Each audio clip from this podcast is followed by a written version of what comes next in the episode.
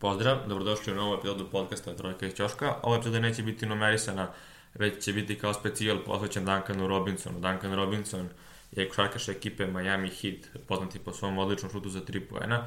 Takođe je poznat po tome što nije baš uobičajan put do NBA lige i kakav je to put zapravo bio, ja ću probati da vam približim. Eto, e, kao srednjoškolac pohađao je The Governor Akademiju, na samom početku srednje škole bi visok, visok svega sa 173 cm, pa je u igru ulazio sa klupe bez puno prodajnih minuta na terenu. Iako se trudio, nije imao neku perspektivu, bar su mu tako govorili, a tek nije imao ponude kodač timova, pa čak i onih najslabijih.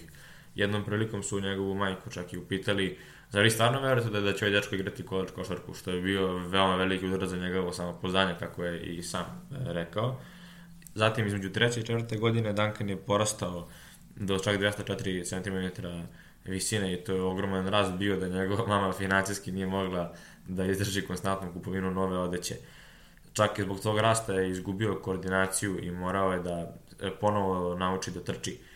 Ali takođe zbog tog rasta e, dobio veću ulogu u timu, postao je starter i malte ne glavni igrač. Imao je naravno sjajnu sezonu. Na jednom, čak na jednom time outu mu je trener rekao Dankane, to je sebično, sebičan si prema svojim saigračima kada si sam, a ne šutneš jer upravo šut tvoj najveći kvalitet. I Duncan je to sam govorio da ga svi teraju samo da šutira, šutira i šutira. I uprko ste odličnoj seminarskoj sezoni, e, Duncan Robinson je dalje bez ponuda od strane college timova.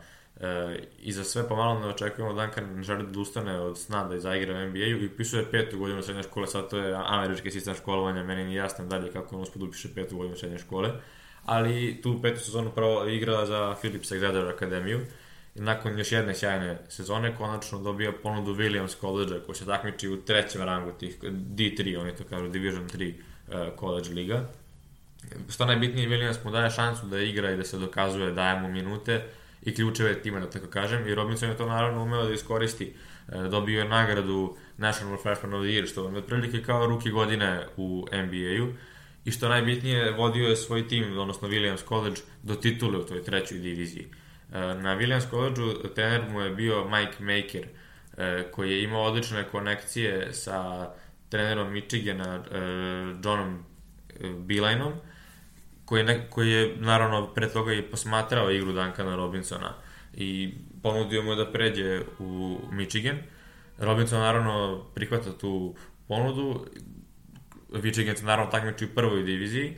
Doduše, e, Robinson postaje walk-on igrač. E, to znači da za razliku od ogromnog procenta igrača koji igraju na koleđu, on igra bez stipendije.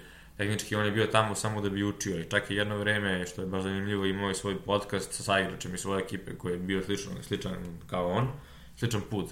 E, I dalje mu NBA bio e, samo san, čak i malo NBA bio i u nekako drugom planu ali ok, opet se dok, naravno opet se dokazao i postoje starter u drugoj godini, koja je bila sasvim solidna godina. U trećoj godini je ponovo vraćen na klupu i sasvim ok je igrao i treću godinu.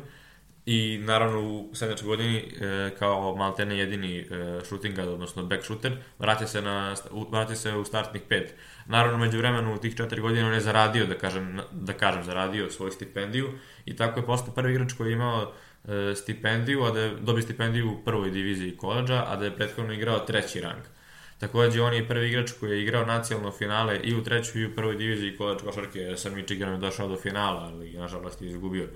E, I nakon četvrte godine to nije bilo dovoljno da bude draftovan i opet je delovalo da Duncan Robinson, da mu je vreme da odustane od e, košarke, da tako kažem, ali izborio se za mesto u Skyforce ekipi koja igra razvijenu NBA G ligu.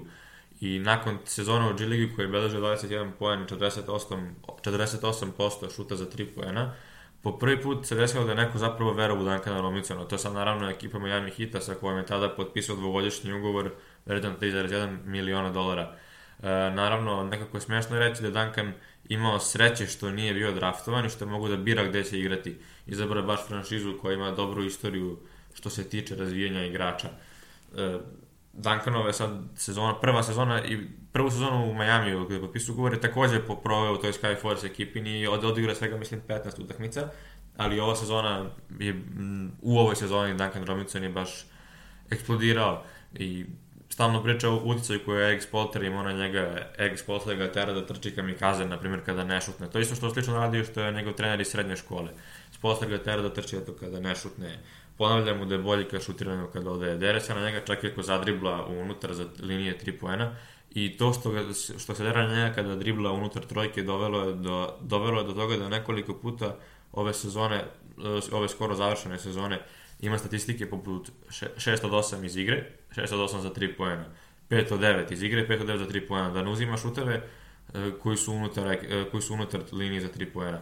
Takođe, ove sezone je čak 3 puta pogađao barem 9 trojki na meču, što je dosta impresivno i deli. Mislim, mislim da je ozbiljan kandidat da jednog dana prestigne rekord Clea Thompsona od 14 datih trojki na meču. Takođe, Duncan, uh, Duncanovih 88,6% šuteva koje generalno uzima su trojke i beleži 44,8% uspešnosti za 3 poena. Na, na, da kažem, to je vrlo dobar procenat, pogotovo što uzima 8 trojki po meču, što znači malte ne pogođa 4-4 od 8 svaku utakmicu.